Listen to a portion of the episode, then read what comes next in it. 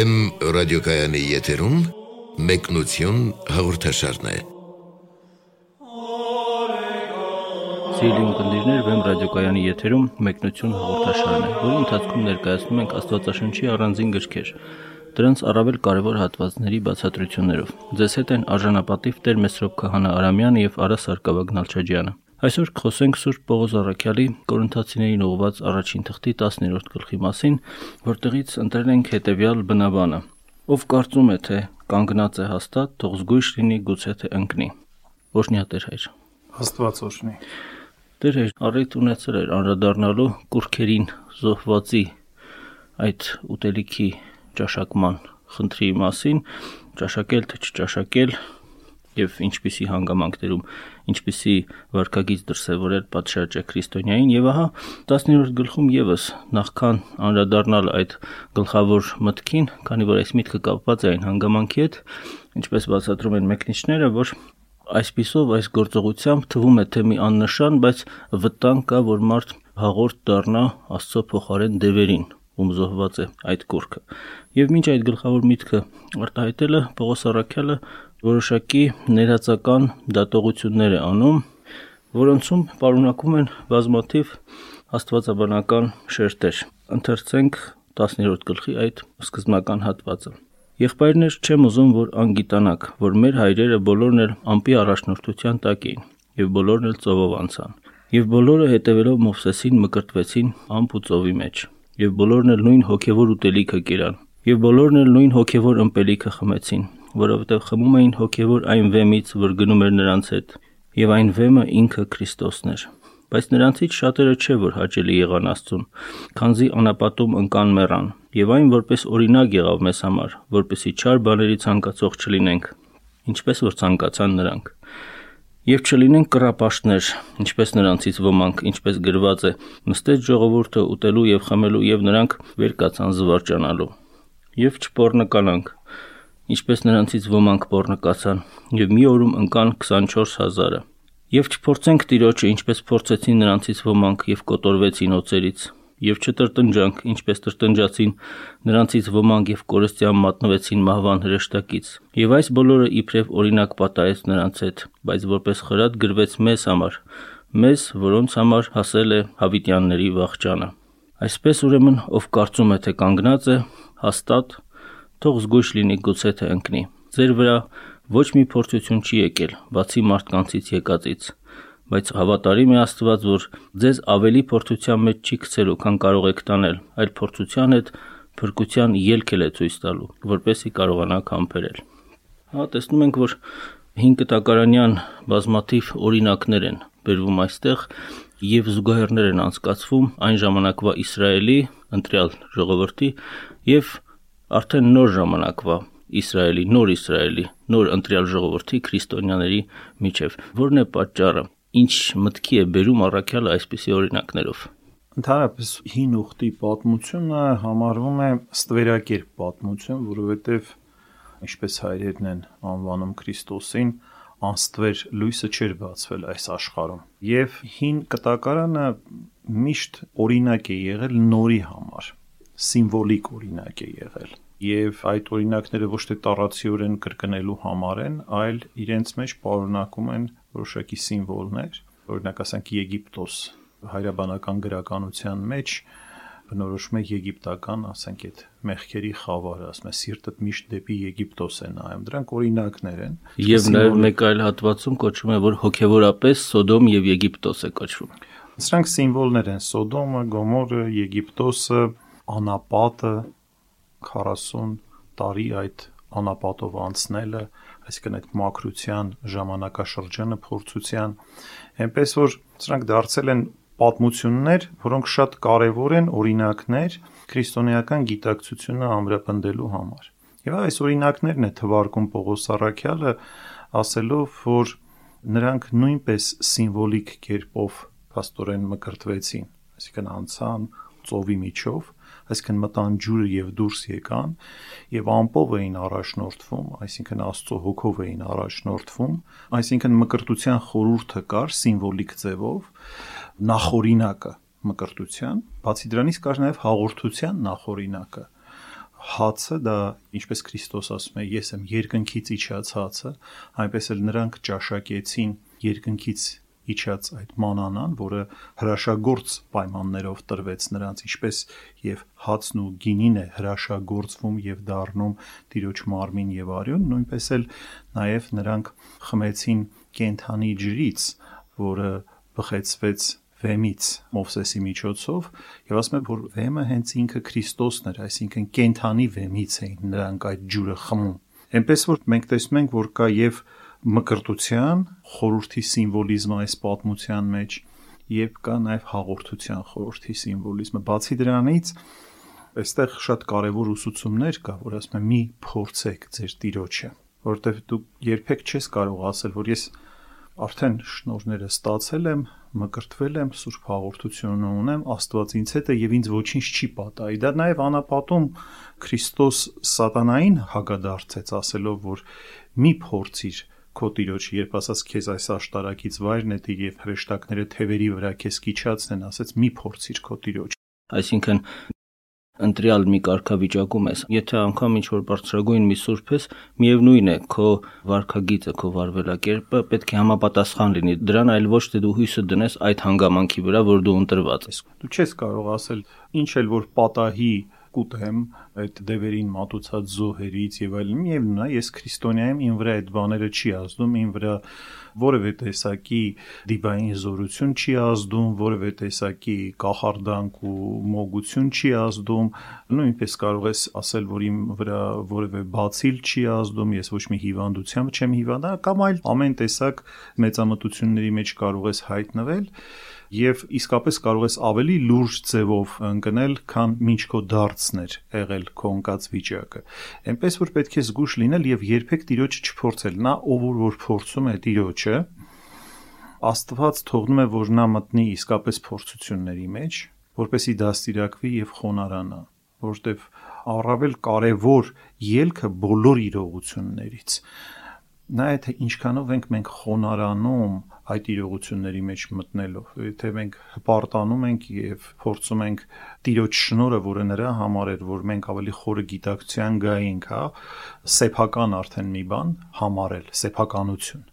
մենք չարաչար սխալվում ենք մենք ամեն պահի կարող ենք կորցնել եթե մենք չունենք սերը եթե մենք չունենք խոնարհությունը խոհեմությունը եւ այլն եւ դրա համար այստեղ ասում է որ մի փորձեք ձեր տիրոջը եւ ի վերջո ինչ է փորձելը նաեւ ես ուզում եմ ասել որ սա հավատքի հետ կապված իրողություն է հավատքի փորձություն է որովհետեւ ի վերջո դու ինչ որ մարտահրավեր ես նետում նրան ում որ որ դու հավատում ես միթե աստված ինձ այս բաներից չի հանելու միթե ես ապահովագրված չեմ այսինքն ինչ որ առումով Սա հավատքի փորձություն է, բայց նաև երբ քրիստոնեական ճանապարով դու քայլում ես, շատ կարևոր է, որ դու աներկբա հույս ունենաս փրկության եւ անընդհատ չտրտնջաս եւ չդժգոհես, ինչպես հрьяաներն էին տրտնջում եւ դժգոհում։ Այսինքն կորցնում էին հույսը, հուսահատվում էին։ Տրտնջալը դա հույսը կորցնելու արդեն նշան է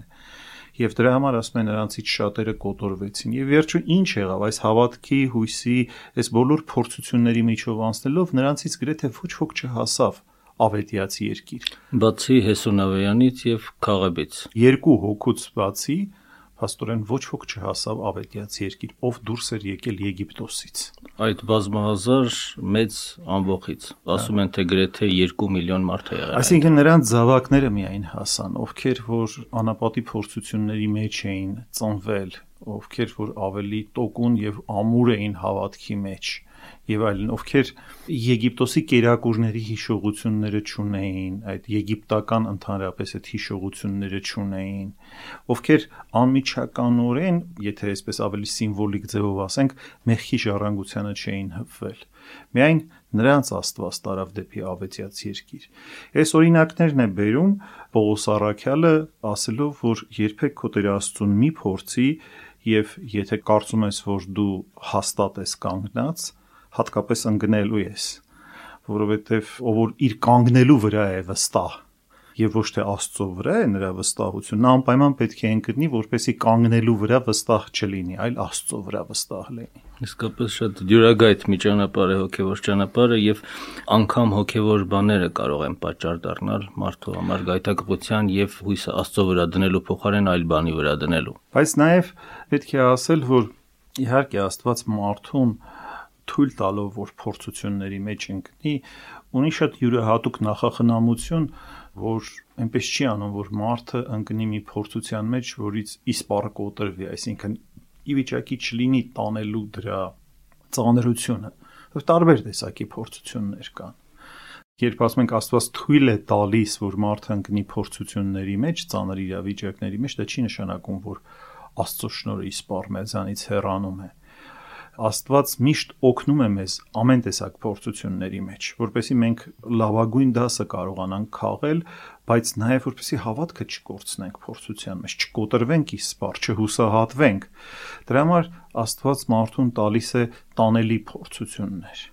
մարդիկ չեն պատկերացնում նույնիսկ փորձության ինչ տեսակներ կարող են լինել։ Այն փորձությունները, որ Աստված տալիս էր սուրբերին, եթե այդ փորձությունների 1%-ը հանգարց մեզ տա, մենք չենք դիմանա, մենք ուղղակի ասենք կարող է ոչնչանանք այդ փորձությունների տակ։ Ուրեմն նաև ըստ տանելիության աստիճանների Աստված փորձություններ տալիս։ Եվ հայր մեր աղոթքի այդ հայտնի խոսքերը եւ մեզ փորձության մի տար այլ փրկիր մեզ չարից կարծեմ թե դրա խտացված արտահայտությունն են հենց։ Այստեղ ավելի խոսքը գնում է հավատքի փորձությունների մեջ ընդհանրապես փորձությունները մարդուն օգտակար են, բայց ոչ հավատքի փորձություններ, դրանք շատ ծանր բաներ են։ Այսինքն այն փորձությունը, որից դու կարող ես հավատքդ կորցնել, եթե մի բանից դու հավատ կարող ես կորցնել, նշանակում է ամեն ինչ ես կորցնում։ Դրա համար այստեղ հայրերը շեշտադրում են, որ խոսքը գնում է իսկապես հոգևոր հենց հատկապես հավատքին, փրկությանը վերաբերող փորձություններին, որ չլինի թե մենք դրա վրա կասկածենք այսինքն մտնենք այնպիսի մի բանի մեջ, որ կորցնենք հավատքը փրկության նկատմամբ։ Մնացած փորձությունները, ասենք մարմնական եւ այլ տեսակի փորձությունները կարող են միանգամայն օգտակար լինել մեզ։ Պետք չի փախնել փորձություններից կամ այսպես փորձենք ուրիշ բառով ասել վշտերից կամ նեղություններից պետք չի փախչել որովհետև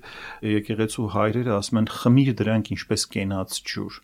այսինքն դրանցով մարդու հոգին իսկապես ամրապնդվում է եւ կարդում ենք Պողոս Արաքյալի թղթերը եւ ընդհանրապես Արաքյալների գործունեությունը հետագայում սուրբերի, մենք տեսնում ենք ինչպիսի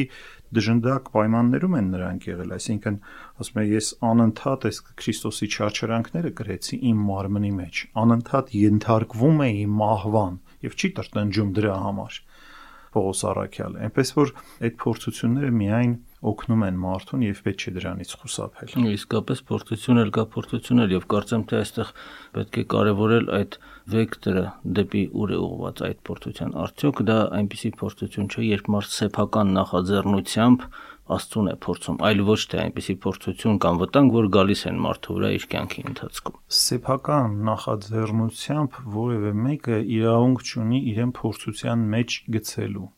Այսինքն այն ինչ որ որ Աստված թույլ է տալիս, դա արդեն իսկ բավական է մեզ համար։ Եվ նույնիսկ սուրբերի կյանքում կա այդպիսի բան, որ Անտոն Անապատականը, երբ լսեց Եգիպտոսում հալածանքների մասին քրիստոնյաների եւ նահատակվում էին քրիստոնյաները, որոշեց գնա եւ ինքն էլ նրանց հետ նահատակվի եւ գնաց ուղակի կանգնեց ճանապարհի հենց մեջտեղում, որտեղով գնում էին ձիավորները, շուրջ բոլորը նահատակում էին քրիստոնյաներին։ Ասեն ոչ մեկը նրան չէր մոտենում։ Ոչ մեկը։ Եվ հետո Աստված ասեց, որ դա չի քո ճանապարհը։ Ետ գնա անապատ եւ շարունակիր ճգնել եւ դառնալ բազում եղբայրների փրկության առիթ։ Այսինքն ամեն մեկը ունի իր ճանապարհը, որը Աստծուց է տրվում եւ դրա մեջ իսկապես ինքնամիտ կերպով չի կարելի նետվել, դա հենց Աստծուն փորձելու արդեն մի շատ յուրահատուկ տեսակ է, որովհետեւ դու չգիտես քեզ հետ ինչ է պատահելու եւ ինչ գիտես դու դրա տանելիության չափը ունես թե չունես։ Եվ հենց Պողոս Արաքյալն էլ ասում է, որ ամեն տեսակ փորձություն չի, որ Աստված տալիս, ասում է փորձության հետ փրկության ելքել է ցույց տալիս, որպեսի կարողանանք համբերել։ Սա է բանալին։ Դերեր, երբ այդ շարքն էր ընթերցվում 5 կտակարանյան օրինակների, այստեղ մի ուշագրավ հանգամանք կա, որի վրա կուզենայի փոքրինչ շեշտադրում կատարել։ ասում է Պողոս Արաքյալը, որ բոլորն էլ նույն հոգևոր ուտելիքը կերան եւ բոլորն էլ նույն հոգևոր ըմպելիքը խմեցին, որովհետեւ խմում էին հոգևոր այն վեմից, որ գնում էր նրանց հետ եւ այն վեմը ինքը Քրիստոսն էր։ Հոգևոր ուտելիք ասելով անշուշտ նկատի ունի մանանան, որ երկնքից իջավ եւ որ ակնհայտորեն ģերբնական ցակում ուներ, այսինքն Աստված առանձնահատուկ մի շնոր արեց հրաշք գործերով այդպիսի երկնային ուտելիք տվեց մարդկանց այդ բազմությանը եւ սակայն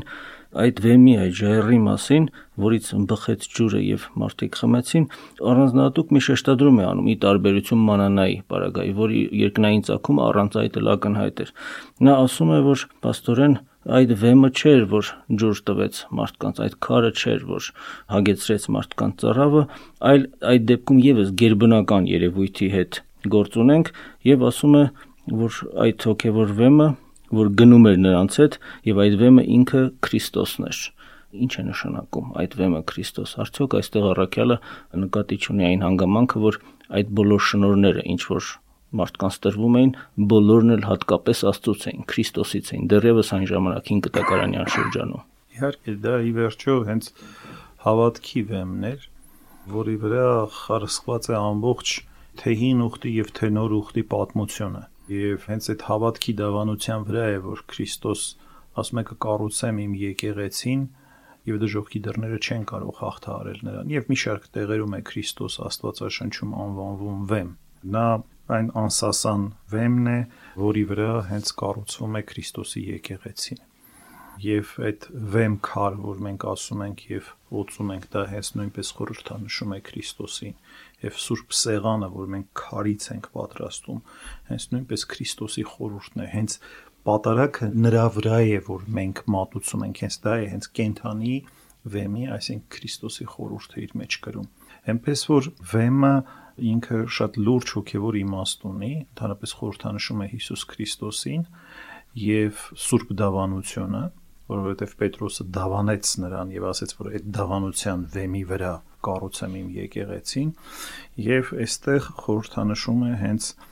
այն հոգեվոր շնորների եւ հավատքի, այսպես սկզբունքների ամբողջությունը, որ նրանց հետ էր, այսինքն այդ կենթանի առաջնորդությունը, որ նրանք ունեին, բոլոր տեսակի եւ հրաշքները, որ նրանք տեսնում էին եւ այն ինչ որ նրանք չէին տեսնում եւ այդ չտեսնելու պատճառով պատժում են, ամեն ինչը ամբողջանում է մեկ բառով, վեմ բառով, որ ասում է հենց ինքը Հիսուս Քրիստոսն է, բայց ջրի բխումը,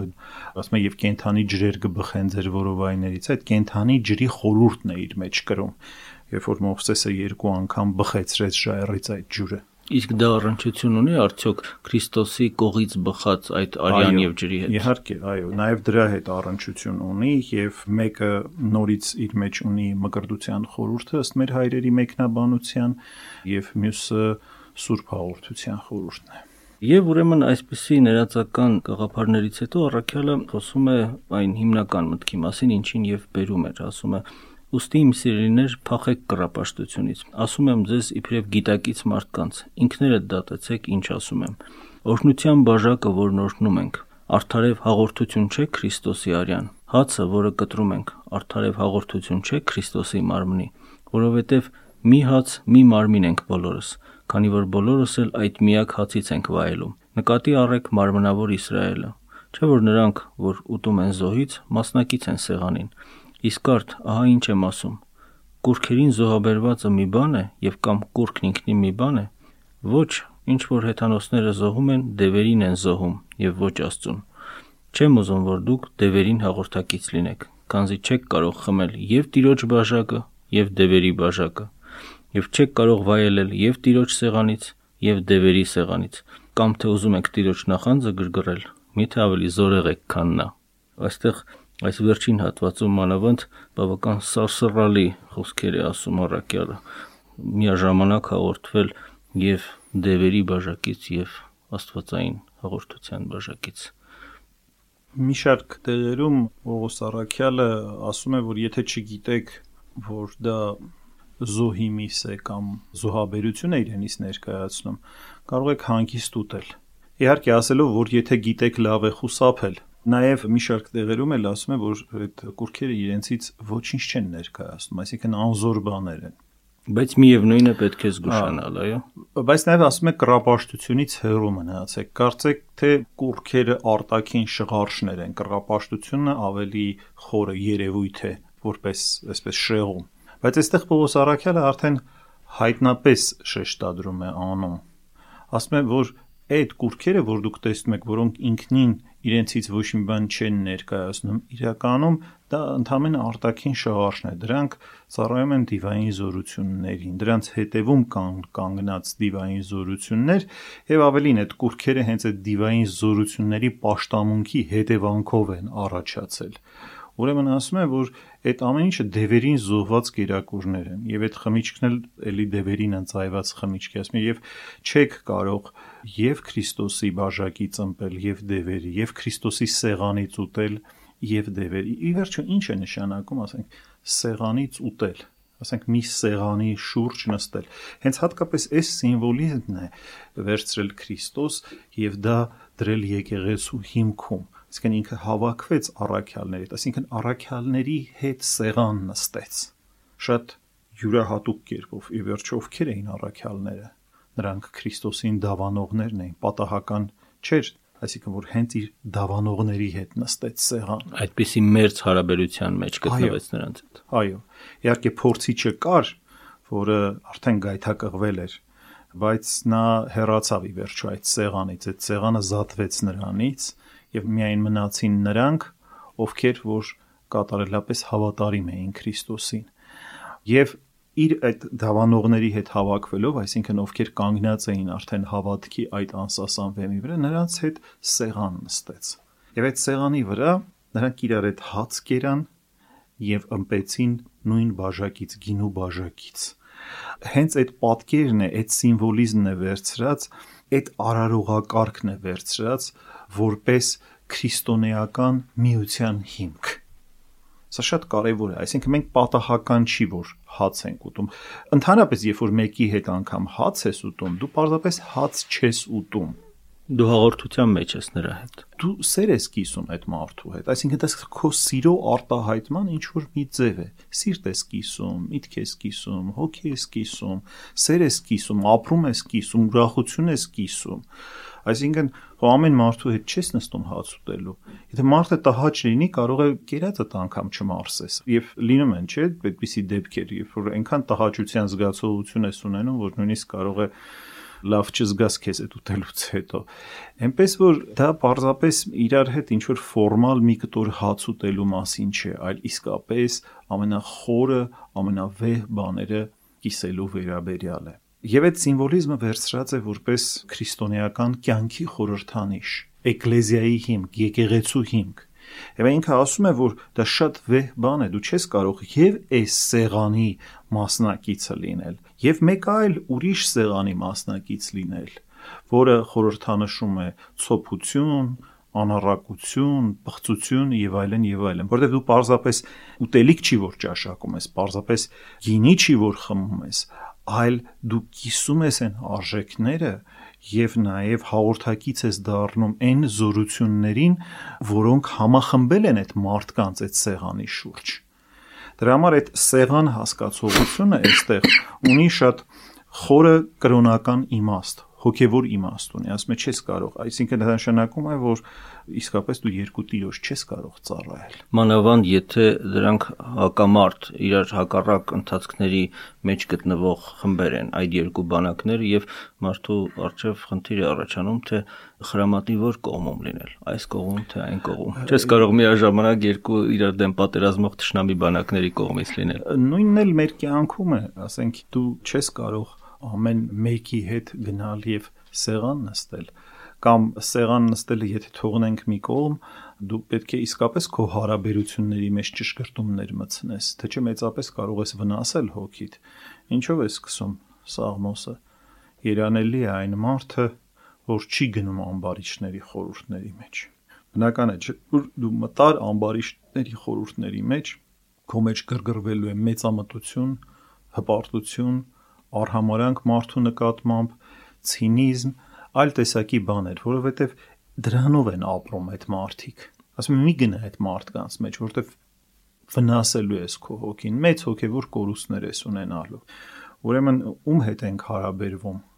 եւ նաեւ ում հետ են կիսում մեր ուրախությունը, սրանք շատ կարևոր խնդիրներ են։ Իսկ ինչպես բացատրել Տեր այր այդ դեպքում այն ավետարանական դրվագները, որոնցում նկարագրվում է, թե ինչպես Քրիստոս մաքսավորների ու մեղավորների հետ սեղան նստեց եւ նաեւ Փարիսեցու հետ, Սիմոնի հետ, որ մեղավոր կինը ապաշխարությամբ մոտեցել էր նրան, սակայն սեղաներ նստած այդ անձի հետ, որը ներքին կարծես մի հերավորություն էր պահում Քրիստոսին եւ այնքան էլ անկեղծ չէր եւ այնքան էլ բարյացակամ չէր։ Դրա հանդեպ թեև սեղանի շուրջ էին նստած։ Սա այնքան էլ դիպուկ օրինակ չէ, որովհետև Քրիստոս չնստեց սեղան ինչ որ զոհերի կերակուրներ ուտելու եւ այլ, եւ բացի դրանից նաեւ պետք է հասկանալ, որ ասենք թե Քրիստոս, թե առաքյալները, թե սուրբերը սա անում էին ոչ պատահականորեն, այլ սուրբերը ունեին որոշակի առաջնորդություն Աստծուց, Քրիստոս ինքը կարիք չուներ այդպիսի առաջնորդության, եւ ոչ թե իրենք էին նստում ուրիշների սեղանին, այլ բոլորին մասնակից էին դարձնում իրենց հոգևոր սեղանին։ Սա լրիվ տարբեր բան է։ Դա հրավեր էր աստորեն Քրիստոսի կողմից դեպի իրեն գալու։ Երբ որ Քրիստոս մկրտվում էր Հովանեսի կողմից, ոչ թե Հովանեսն էր, որ նրան մկրտում էր, այլ Քրիստոս էր, որ մկրտում էր եւ Հովանեսին, եւ մաքրում էր ջրերը, եւ վերափոխում էր այդ իրականություն։ Այսինքն, երբ որ Քրիստոս մտել է միտեղ, ոչ թե մտել է հենց այդ բանի մասնակից այդ բանի յենթակայության տակ մտնելու, այլ այդ ամենը դեպի հոգևորը փոխել է Պողոս Արաքյալն էլ ասում է, որ հեթանոսի հետ հեթանոս եղանք, հրիայի հետ հրիայի եղանք եւ այլն, որպեսի նրանց բոլորին փոխենք, ոչ թե իրենց նման դառնանք ասում եմ ոչ թե մտանք, որովհետև օրենքի տակ էինք կամ անօրեն էինք, այլ մտանք, որպեսի օրենքի տակ եղողներին եւ որոնք օրենքի տակ չեն, բերենք դեպի հավատքի դաշտ, որտեղ ոչ մեկը ոչ մյուսը առանձնապես մի բան չի, կարևորը թե դու հավատքի մեջ ես, թե ոչ։ Նույնպես էլ բնականաբար, ասենք, մարդը կարող է ամենատարբեր իրավիճակներում լինել, բայց ոչ թե իրավիճակի զոհը դառնալ, այլ գնալ եւ այդ իրավիճակում կարողանալ ինչ որ մի բան փոխել, հոգեվոր մի լույս բերել, մի ինչ որ ձևով փոխել այդ իրողությունը, եթե կարող է նա։ Այնպես որ Այստեղ խոսքը չի գնում այդ պատմություններում, որ նրանք ուղակի գնացել են եւ տրվել են հենց այդ ուրախությանը։ Նրանք վերափոխել են այդ ուրախությունը։ Դեր էր դուք ասացիք արդեն ձեր խոսքի մեջ այն մասին, որ զոհ արվածից օգտվելու ուտել չուտելու խնդիրը այնպես է դրված, որ պետք է եթե մարդը տեղյակ չէ առանց խղճ մտանքի ճաշակի դրային, սակայն եթե տեղյակ է պահվում, արդեն իսկ զգուշանա նախընտրելի է զգուշանալ եւ չճաշակել զոհամատուցված կերակուրիցման ավանդը այն ժամանակների համար շատ արդիական էր, երբ նոր էր աշխարհը հեթանոսական փուլից անցնում քրիստոնեական փուլի եւ դեռևս այդ հեթանոսական կրապաշտական զոհամատուցումները շատ տարածված էին դեռևս այն ժամանակ։ Եվ ուրեմն այս մասին խոսելով առաքյալն էլ այսպեսի եզրահանգում է անում. «Արդ ուտեք թե խմեք կամ ինչ էլ անեք, ամեն ինչ արեք Աստծո փառքի համար»։ Գայթակղության պատճառ մի եղեք հрьяաներին, եւ հեթանոսներին եւ Աստծո եկեղեցուն։ Ինչպես որ ես բոլորին ամեն ինչում հաճելի եմ լինում եւ չեմ փնտրում իմ օգուտը, այլ շատերինը, որպեսի փրկվեն։ Ահա այսպեսի եզրակացությամբ ավարտում է առաքյալը իր նամակի այս գլուխը, բայց ես կուզենայի ընթերցել այս վերջին հատվածից հետեւյալ միտքը, որ նաև մեր ունկնդիրը հարցի ձևով Facebook-յան մեր էջում ուղղել է մեզ։ Ամեն ինչ ինձ թույլատրելի է, բայց ամեն բան չէ, որ օգտակար է այսպիսի արտահայտություն ունի առաքյալը այս հատվածի սկզբնամասում եւ եթե կարելի է սրա բացատրությունը ինչը նաեւ ունկնդիրին է ուզում իմանալ Պողոս Արաքյալը ասում է, որ ամեն ինչ ինձ թույլատրելի է, բայց ամեն բան չէ, որ օգտակար է։ Ամեն ինչ ինձ թույլատրելի է, շարունակում է, բայց ամեն ինչ չէ, որ հավատը հաստատում է։ Ուրեմն օգտակարությունը արդեն Պողոս Արաքյալը մեկնաբանեց, թե ինչ է օգտակար են բոլոր այն բաները, որոնք հաստատում են մեր հավատքը, որոնք հավատքը չեն հաստատում։ Մենք չենք կարող դրանք օգտակար բաներ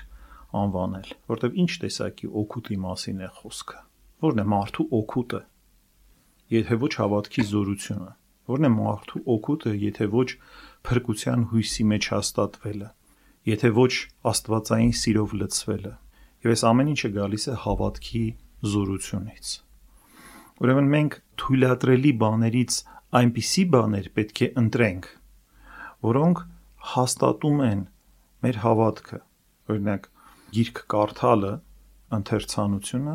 լավ բան է եւ թույլատրված է։ Չի ասում, որ արգելք կա ընթերցանության վրա։ Բայց դու ամեն տեսակի բան կարող ես ընթերցել։ Կարող ես ընթերցել չափազանց վատ բաներ,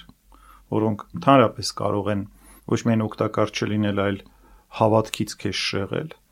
Կարող ես ընթերցել սովորական գրականություն կամ թերթեր եւ այլն, որտեղ ակնհայտ ինչ որ բաներ չկան հավատքի դեմ ուղված կամ առաքինությունների դեմ ուղված, բայց դրանք կարող են ամենևին չզորացնել քո հավատքը, ընդհակառակը լրիվ sense աշխարհիկ մշուշով պատել քո կյանքը բայց նաև կարող ես հոգևոր գրականություն ընթերցել կամ լուրջ գրականություն, լուրջ արվեստ, որը տանում է, հա, մոտեցնում է դեպի հոգևորին եւ դրանով քո հավատքը զորանա։ Ուրեմն դու արդեն պետք է ընտրություն կատարես։ Ուտելիքը, արգելված չէ մարդուն ուտելիքը, բայց գրեթե կարող է չգտնվի մարդ այսօր աշխարհում ապրող, որ չի չարաշահում ուտելիքը։ Ուրեմն դու պետք է զգուշ լինես եւ հասկանաս, թե ինչպես պետք է ուտես, այսինքն քեզ պետք է վարժեցնես ժուշկալության, չափավոր ուտելուն, ինչ ուտելը պետք է քեզ համար կարևոր լինի եւ այլն։ Նույն գինին, որը մարդկային ուրախության համար է, եւ նաեւ օգտակար է առողջության համար։ Բայց ինչքան չափի խախտումներ կան ամբողջ աշխարհով մեկ։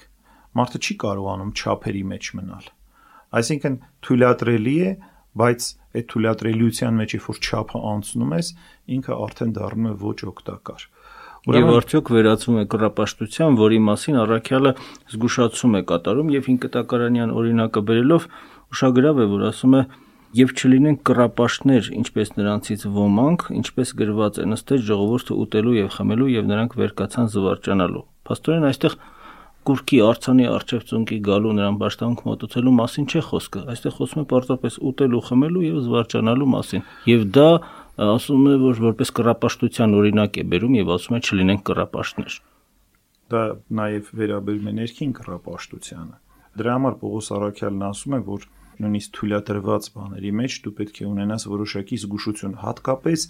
այստեղ հենց խոսքը դրան է վերաբերում, հատկապես եթե դա կարող է գայթակղության պատճառ դառնալ։ Այսինքն դու դրանով կարող ես գայթակղել քո եղբորը,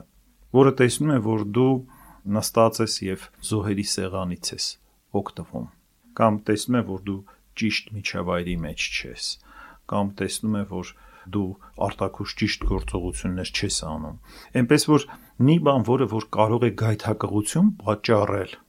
քո կերպարը, քո հակնվածքը, քո արթու զարթը, հազար ու մի բաներ, ասենք կանայք կարող են սրանից բավականին լուրջ հետևություններ անել, թե իրենք գայթակղության պատճառ են դառնում, թե այսպես ասած իրենց համեստ են պահում, որովհետև շատ հաճախ այդ անհամեստ կեցվածքով կամ հակնվածքով, ասենք դառնում են գայթակղության պատճառ։ Նույնը տղամարդիկ կարող են ասենք իրենց համար հետևություններ անել, այսինքն իրենց երբ ճոխություններն են ցույց տալիս կամ հակնվածքի մեջ, տարբեր տեսակի բաների մեջ, արտաքին դրսևորումների, արտաքին դրսևորումների կամ խոսելու կամ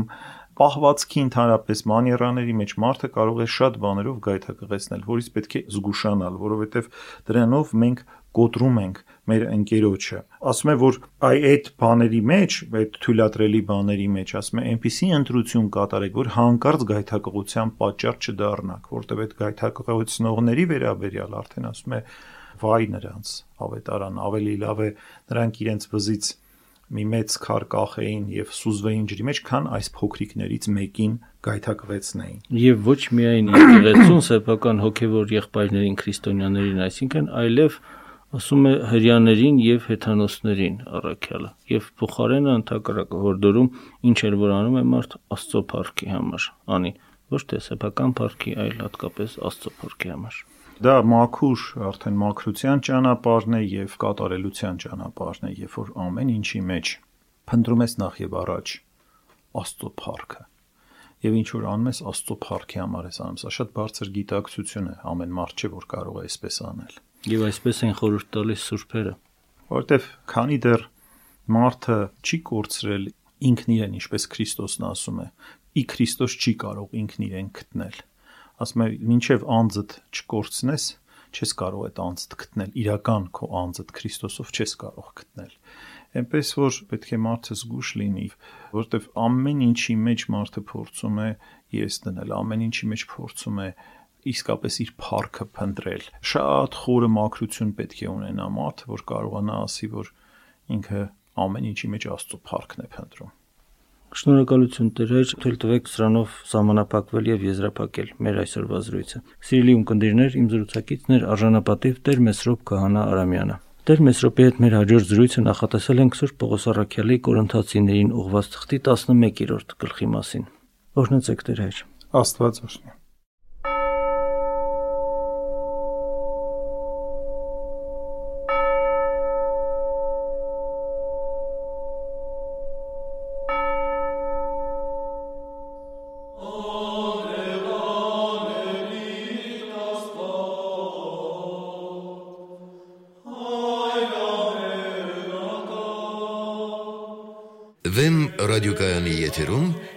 մեկնություն հաղորդաշարներ։